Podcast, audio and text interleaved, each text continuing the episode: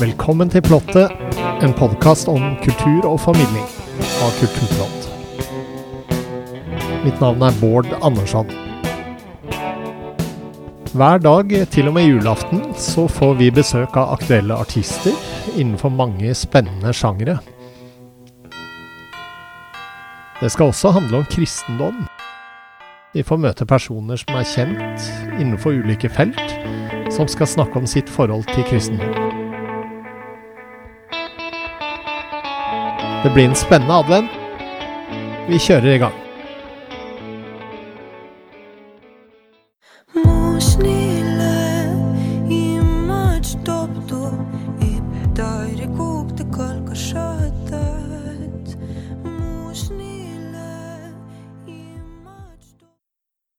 I dag har vi vært så heldige å få besøk av Katarina Barok. Hun er aktuell med ny plate som heter Rotuo. Eh, Gratulerer med plata og velkommen, Katarina. Geito, takk så mye. Veldig fint å ha deg her. Eh, Kan ikke du fortelle litt først om eh, hvordan plata di ble til?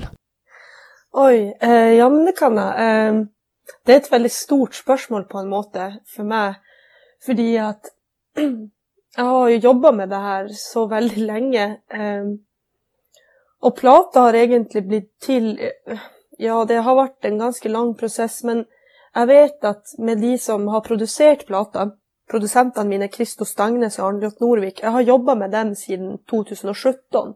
Ja. Og så 2018 så lagde vi eh, Vi skrev en sang sammen som de produserte, fordi vi ville liksom prøve ut hvordan, hvordan kan et samarbeid være. da.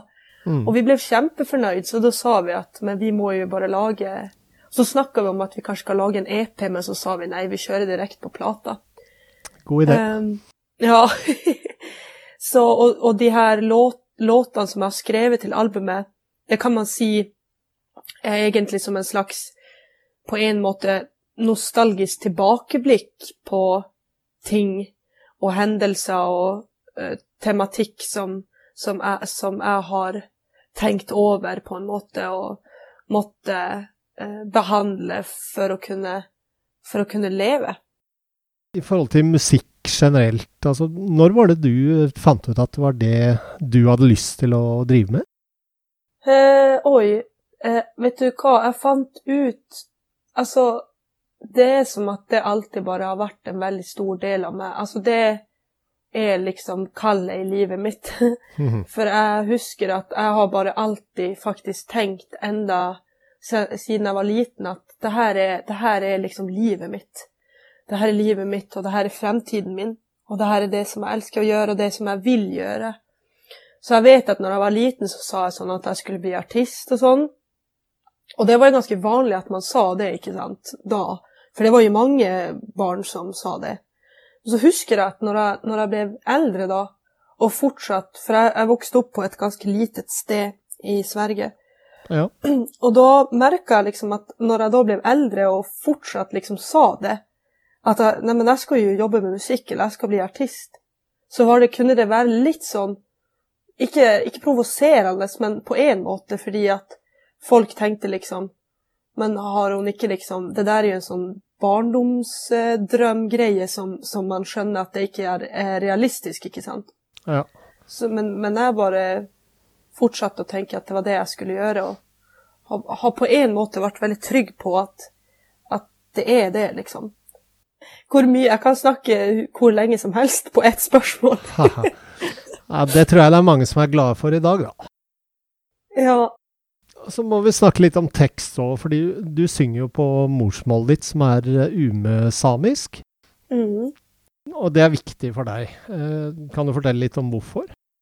Um, ja, men det er så klart at det er viktig for meg.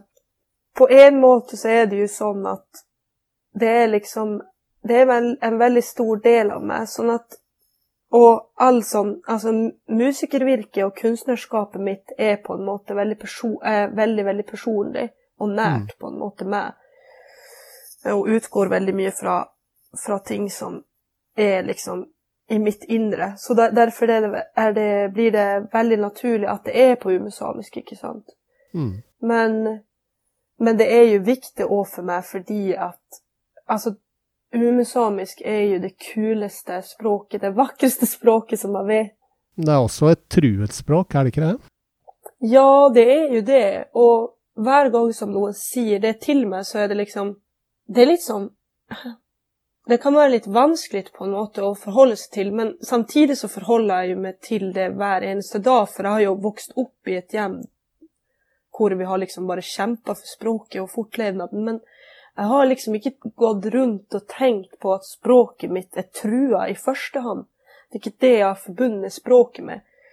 For det har liksom vært, tror jeg, en måte å leve på at man har tenkt, at vi i familien har tenkt, og at jeg har tenkt at veldig mye sånn liv kobla til språket, og at det er ikke, det er ikke en, et alternativ at det skulle være noe annet enn at se fremover og, at, og håpe på en lys framtid, ikke sant, for språket. Vi skal jo spille låta di uh, Jimach, match, eh, hvor du har med deg bandet Isak. Uh, kan ikke du fortelle litt om hvordan den ble til? Mm. Det var en sånn her Jim-match var en sånn her låt som Noen låter er jo sånn at jeg liksom Den her låten var veldig enkel å skrive, veldig lett å skrive. Sånn på en måte som at den allerede fantes, at den allerede eksisterte, og at jeg bare fikk plukke ned den, eller liksom kanalisere den. Mm. Det liksom begynte bare med at jeg fikk en veldig, veldig sånn sterk følelse og noe som var, så jeg lagde den veldig sånn intuitivt.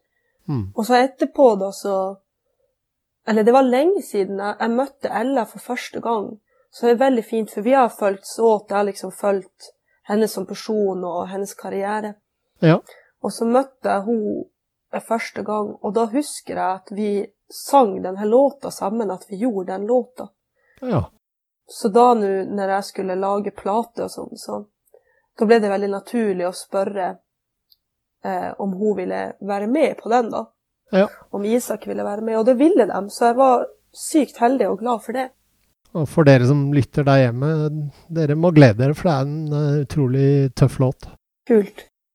Hva slags planer har du fremover nå? Nå har du vel akkurat fullført en uh, ganske stor turné. Uh, hva skjer fremover? Ja, jeg har jo det. Um, når jeg har gjort ferdig sånne ting, så vet jeg at jeg gleder meg veldig mye til å få stoppe opp og være veldig til stede i nuet. Fordi det er veldig, veldig viktig for meg. Ja. Men eh, om jeg skal se fremover, så, så, blir det jo mer turné. Det blir veldig mye spilling til eh, Altså til etter, etter nyttår, da, på det nye året, 2023. Mm. Eh, så det blir masse, masse gøye ting som vi skal gjøre, jeg og bandet. Så jeg gleder meg skikkelig til det. Så bra. Ja, nå er det jo straks jul. Eh, hvilke forhold har du til julen? Jeg er veldig, veldig glad i julen. Eh, sykt glad i julen fordi at da får jeg være med familien min, og jeg elsker familien min. Jeg elsker å være med dem. Og så liker jeg òg det her Jeg prøver ofte, eller veldig ofte, å holde julen sånn helig på en måte. At jeg har nesten alltid fri på, i jula.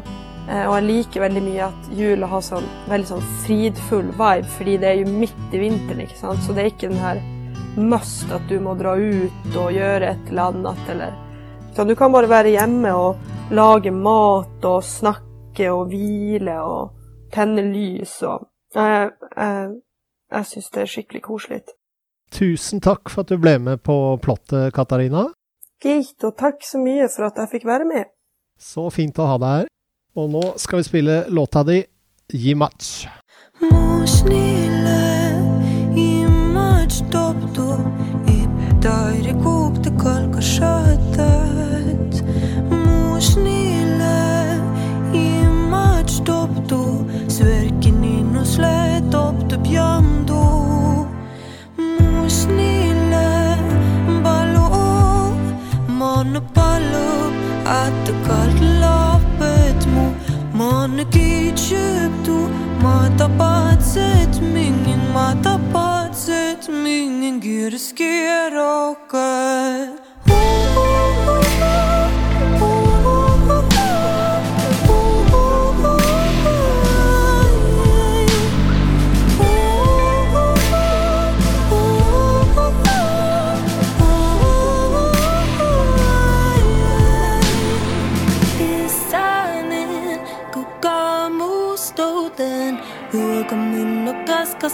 could do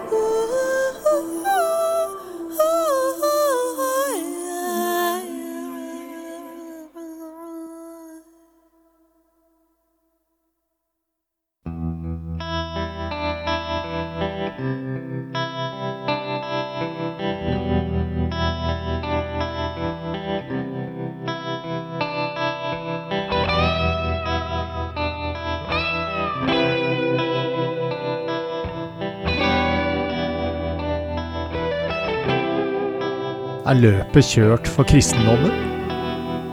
Vi har invitert 24 personer denne julen som drøfter kristendommens status per i dag. I dag skal vi få noen velvalgte ord fra lykkebiolog og forsker Bjørn Grinde.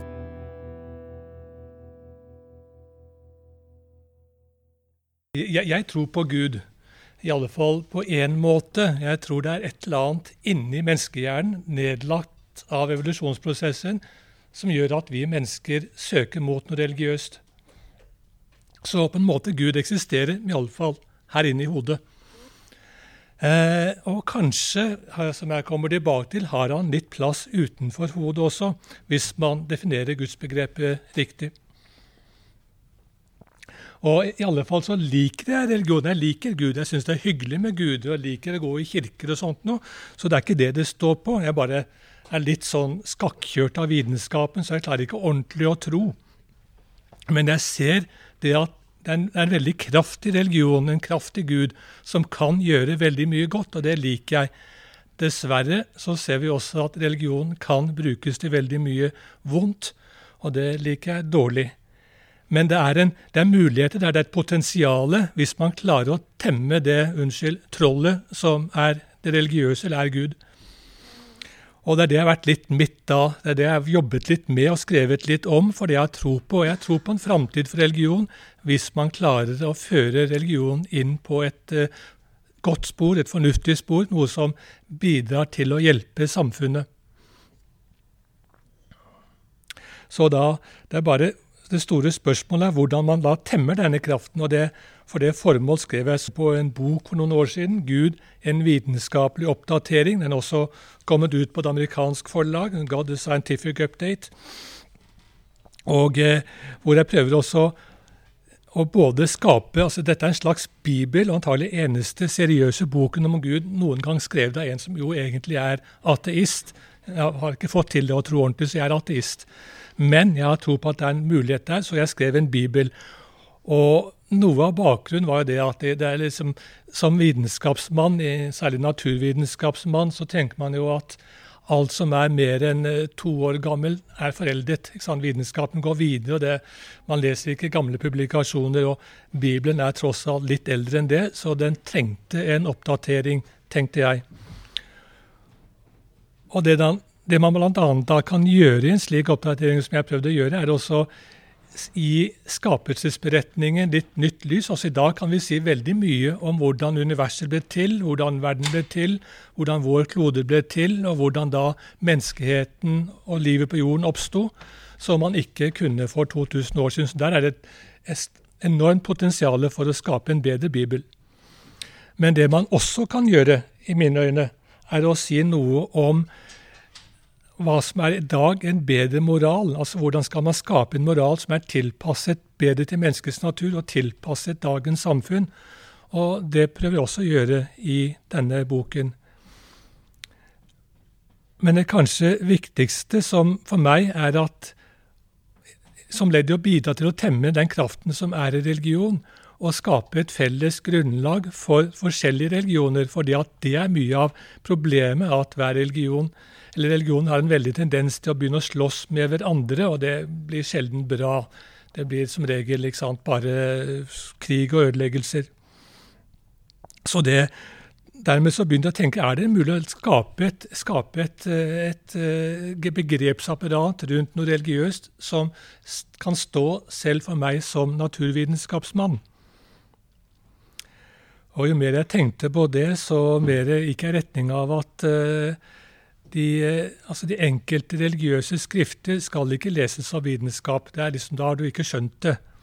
Eh, jeg har brukt sammenligningen med det å ha et eh, maleri av Picasso med en, en, pike som sitter i en stol, og det å ha et fotografi av en pike som sitter i en stol. Og så har jeg spurt da, sant, er maleriet av Picasso eller fotografiet mitt mest verd. Og de fleste sier jo fort at det maleriet er mye mer verdt enn et tilfeldig fotografi. Og Poenget er at Picasso gjorde noe som et fotografi ikke kan gjøre. Fotografi er naturvitenskap. Det er, det det er også laget portrett av virkeligheten så nær virkeligheten som det kommer.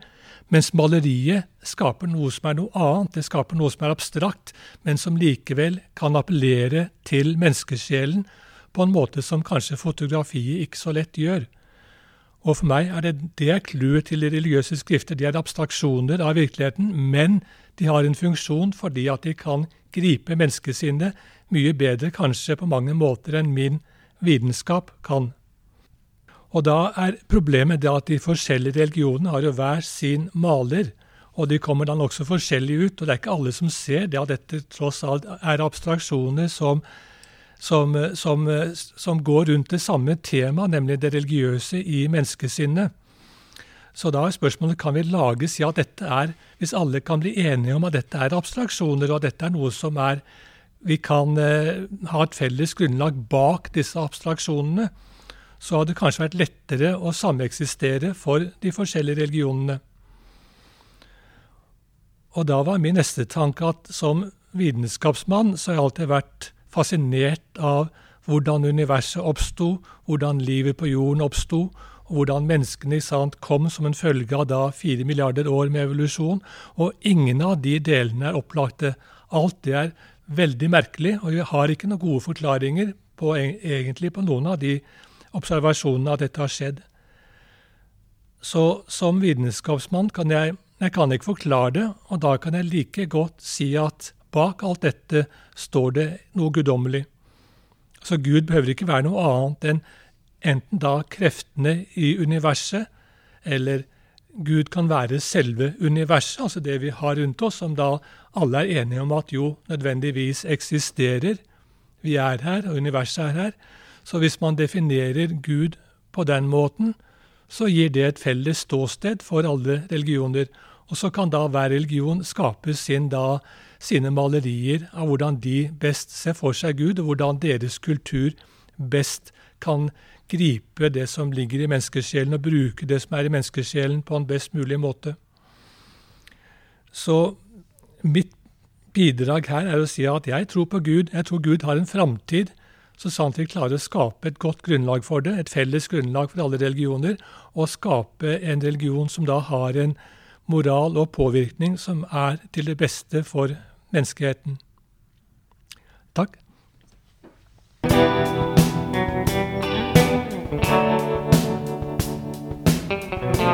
Følg med på alt som skjer i kulturverdenen på kulturplott.no. Der finner du også et tilbud på Kulturplott og magasinet Samtiden på 150 kroner for seks måneder. Programleder og teknisk ansvarlig for denne sendingen var Bård Andersson.